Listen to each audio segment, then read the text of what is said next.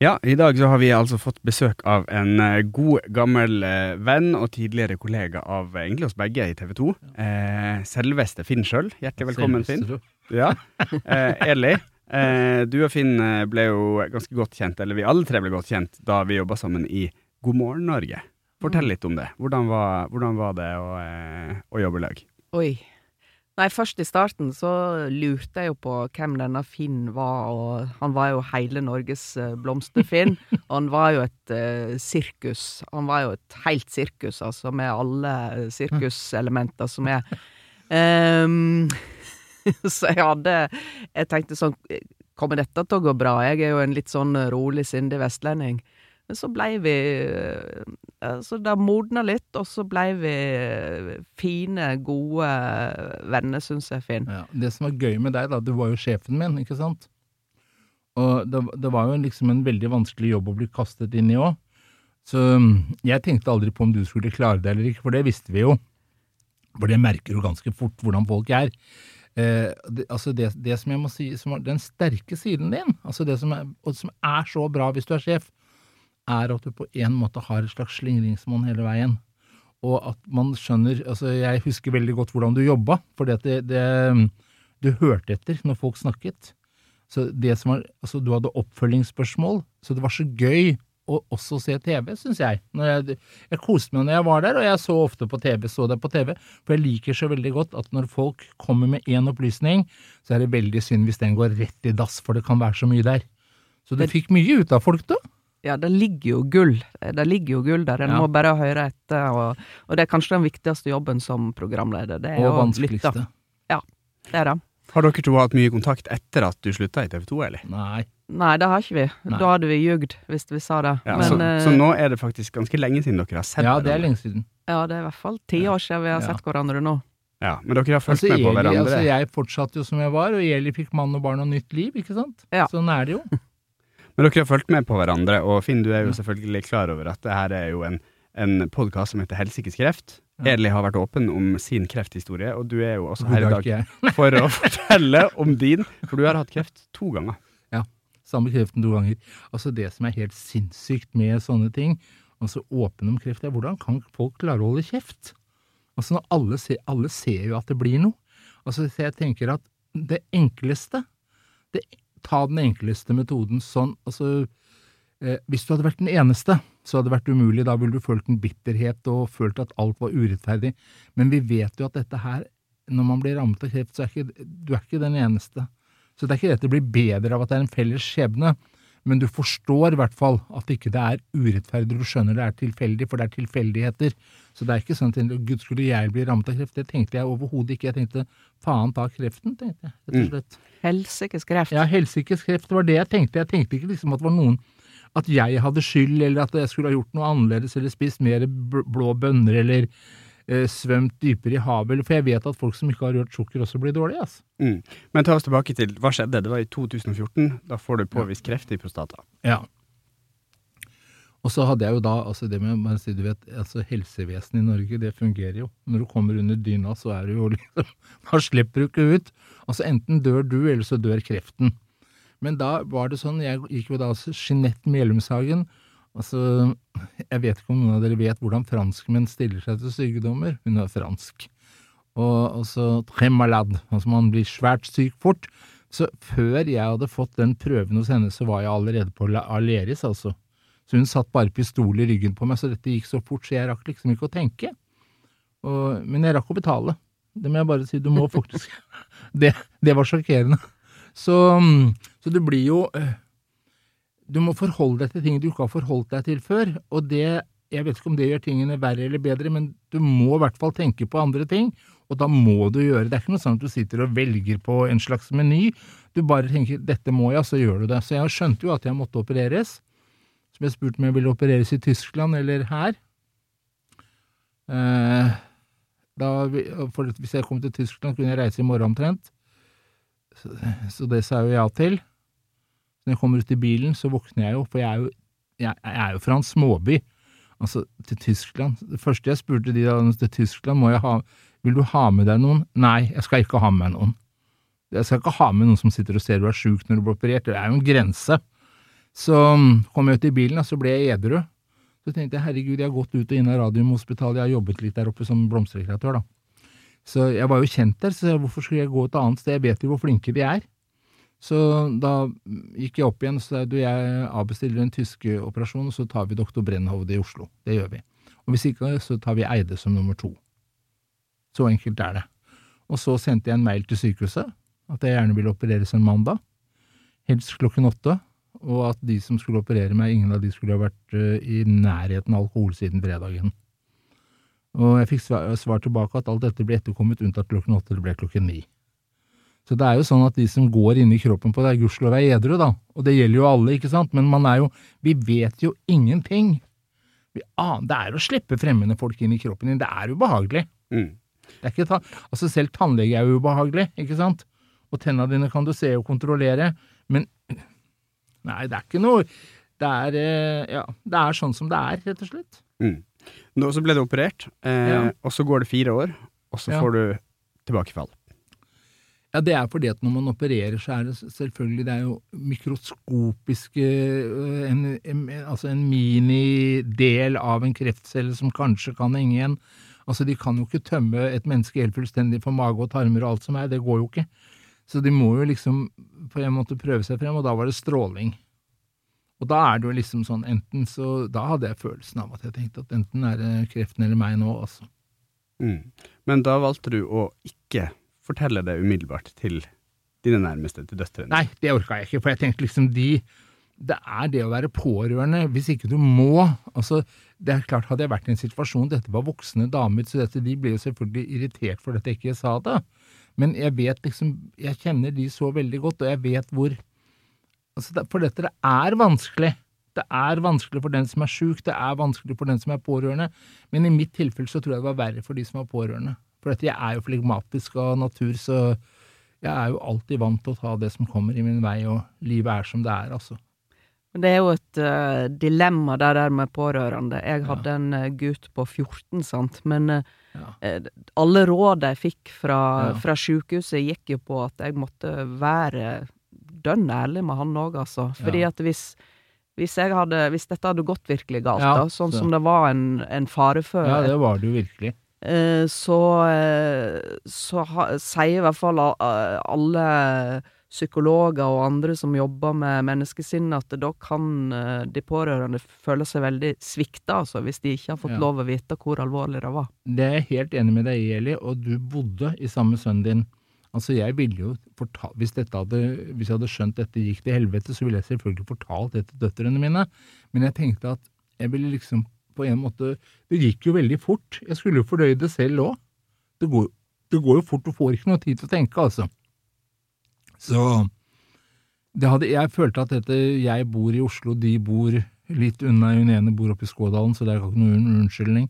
Hun andre bor på Nøtterøy, så det er ikke noen store avstander. Men det var ingen av de som nødvendigvis behøvde å se meg akkurat mens jeg holdt på. Og det var jo bare sånn, det foregikk jo på dagtid. Jeg var jo på, oppe på Ullevål eh, på morgenen. Og så var jeg ferdig. Altså, og alt sånt nå er jo så imponerende. Det er så imponerende liksom, når du kommer kvart på åtte og er ferdig kvart over åtte.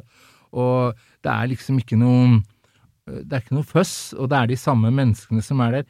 Det er en slags trygghet i det òg, altså midt i det utrygge, som jeg sier at de menneskene som jobber med det, de gjorde meg i hvert fall eh, jeg ble, jeg ble ikke så urolig, jeg gjorde ikke det. De var jo så rolige, de som holdt på med det. Mm. så det er noe med hvordan de også er. Det er ikke lett. Hvordan har det vært for deg, eller du har jo også en, en ganske lik historie da, med å få påvist kreft, bli operert, så går det noen år, og så kommer det tilbake. Ja, det var overraskende å høre hvor, hvor likt ting eh, var her. For mitt vedkommende så ble jeg operert da i 2017, og så får jeg tilbakefall i, i 2019, og aner fred og ingen fare. For jeg hadde jo operert bort eh, livmorhals og livmor og ja, så å si hele butikken der nede. Ja. sant? Så jeg tenkte hvor skal jeg få livmorhalskreft når jeg ikke har noe livmor? Men, ja. men det var mulig. Ja. Og, og det var et sjokk. Eh, men det som uh, Finn sier, altså, det er utrolig mange trygge og gode folk du møter på sjukehus. Det er mange hender å holde i, og Eh, det er mange Jeg skulle til å si fang å sitte på, så ille var det vel ikke, men, men men alt jeg har grenet, og alt jeg har vært i sjokk oppe på Radiumhospitalet, og alle de situasjonene de har sett meg i, det mye av det har ikke vært spesielt vakkert, men, men de, de, er der, altså. Og det ja, føles trygt. Jeg, jeg, er imponert. Og jeg liksom, Du kan tenke deg sånn, jeg var på Radiumhospitalet bare innom i går, faktisk og besøkte en venninne eh, som det ser ut til å gå helt strålende med, så det er jo fint.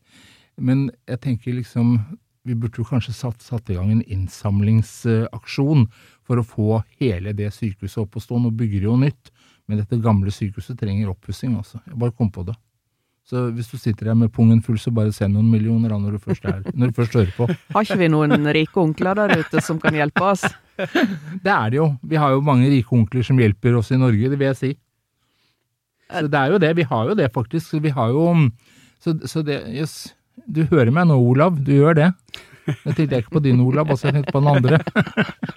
men, eh, men, det med pårørende altså nå har jo dere, Du har jo hatt livmorhalskreft, du har hatt prostatakreft. Det er jo, det er jo veldig mye eh, fokus på kreft i samfunnet, ja. i media generelt. Har det hjulpet noen ting, alt det eh, ja, fokuset som er, opp, eh, opplysningsarbeidet som blir gjort rundt kreft, og, og det at veldig mange står ute i media og forteller om sin historie, hjalp det noen ting for deg, Finn? Nei, det dreit jeg i, altså. Det er nok med min egen når du sto der. Jeg må si det. altså Jeg var ikke så veldig jeg var ikke så, Å gud, de har hatt verre kreft enn meg. Jeg var ikke der i det hele tatt. Unnskyld. Og jeg, det som var irriterende, da, som, var, irrit, som, er, som var så utrolig irriterende, som jeg merket at jeg ble dritirritert på når jeg fikk den kreften, alle de andre så større soler, gulere blomster, høyere gress, dypere sjøer, alt ble så vakkert, og fortalte om dette når de fikk livet i gave på nytt. Fader, jeg fikk altså, jeg så bare den samme gule smørblomsten, ble ikke større i det hele tatt. Jeg var veldig irritert, rett og slett. Jeg var veldig irritert. Rett og slett. Jeg følte ikke at jeg hadde fått den vidunderlige åpenbaringen som folk skulle få. Så er fullt med snytt. Nei, men eh, eh, du spør litt om, om, om det har hjulpet samfunnet, eller det har hjulpet oss, liksom? Ja. Eh, ja, egentlig begge deler. Altså, hva, hva, eh, det er jo man, eh, Hvis man blir diagnostisert med kreft i dag, mm. så er det jo Jeg tenker at jeg ville sannsynligvis ha tenkt at ja, men det kommer sikkert til å gå bra. Fordi vi har så mye fokus på det, vi har så mye Mange som snakker om det, det er, det er så vanlig ja, Som folkeopplysning er det bra, men for deg personlig når du er syk, så er det jo nesten verre å høre om alle de andre. Altså, du har jo nesten nok med deg sjæl. Mm. Men jeg har jo fått veldig mange tilbakemeldinger etter jeg valgte å være åpen. Uh, og, og, det er jo litt òg som Finn sier, hva ellers skal du gjøre? Sitte der og holde på det som en stor hemmelighet, liksom? Ja, det går jo liksom? ikke. Nei, det går jo ikke. Så jeg heller følte nesten ikke at jeg hadde eh, noe valg, men nå har jeg vært veldig, veldig åpen. sant? Sett på TV og fortalt om dette, og lagd podkast og holdt på med bok. og så jeg har jo, som eh, venninnene mine sier humoristisk, lagd en business ut av dette, da. Eh, men, men, det har hjulpet meg Jeg vil si at det har hjulpet meg å, å være åpen, fordi at eh, nå forstår folk hvordan, eh, hvordan, ting er. De forstår hvor landet ligger. Eh, når jeg fikk vite dette for eh, to år siden, så sa jeg jo at din kreft er uhelbredelig. Eh, og da syns jeg det var litt viktig å fortelle i hvert fall alle som kjenner meg, at dette var, dette var en tyngre kamp enn å bare ta noen medisiner, og så var de hipp hurra og friske igjen. Mm. For da, akkurat det syns jeg hadde vært veldig slitsomt, det at eh, mm. stå på, dette klarer du, du er sterk, og så slår du kreften, liksom. Sant? For det, det var ikke det legene sa til meg, og da ville jeg formidle det til eh, til mine nærmeste og de i den litt ytre kretsen òg at uh, dette er litt mer alvorlig enn som så. Men så når det gjelder det med, med, samfunnet, som du sier, så er det jo i, i mitt tilfelle, og det tror jeg uh, Finn òg kan skrive under på, det er jo viktig at jeg snakker om livmorhalskreft, og at folk kvinner da, skal ta denne celleprøven, de skal teste ja, seg, de skal ta vaksine. Det er veldig ja. viktig. Og hvis jeg med min åpenhet, og hver gang jeg har stått frem på, på TV eller andre plasser, så har jeg sagt på slutten av alle intervju 'sjekk deg, sjekk deg, sjekk deg'. Sant? Og hvis, hvis det kan føre til at et ekstra tilfelle av livmorhalskreft blir oppdaga tidlig, så har det vært verdt åpenheten. Mm. Men du vet, det, det tenker åpenheten var jo for meg i hvert fall helt nødvendig. Og det er klart at det du har drevet, Eli, det er folkeopplysning. Og folkeopplysningen har jo på en måte den, Jeg tenker at folkeopplysning er den viktigste vi har. Det er det viktigste, for det er jo, det er jo menneskene som man hører på. Så at du forteller om det vil hjelpe folk til å ta prøven, det er det viktigste. Men når, hvis du får nedslående beskjed når du får prøven, så tror jeg man legger det bak seg og tenker og går inn for seg sjæl. Og det må man gjøre. altså Man må på en måte konse litt på seg selv, og for når det er så alvorlig, så kan man ikke kimse av det. Det nytter ikke, som du sier, det nytter ikke bare å le av det, selv om eh, man overlever eller ikke. For vi skal jo på en måte alle dø. Det er liksom bare et tidsspørsmål for de fleste av oss, da. Man overlever ikke dette livet, det, det bare vet vi. Men vi, vil, vi, vi, henger så fast ved livet, så vi vil jo så gjerne gjøre alt hva vi selv kan. Eh, men det er faktisk legene som må kunne det. Mm. Altså Det hjelper ikke om du har eh, altså, jo, ja, men du skjønner det hjelper med godt humør. Nei, det hjelper ikke i det hele tatt, men du har det bedre når du har godt humør. Det er en helt annen sak. Men det helbreder ikke. Så det er veldig mye Sånne ting kan være veldig irriterende for meg å høre, i hvert fall. Jeg blir bare irritert når jeg hører alt det man kan gjøre, og alt som er veldig bra for deg, og alt som er, som er bare tøys. Ja, da blir jeg òg fryktelig irritert av, altså. Men det er jo heldigvis eh, Når du får meldinger og sånn, så kan du jo bare kaste noen rett i søpla. Og det er sånn her Du må ikke spise egg, eller du må spise sopp. du må du, spise egg.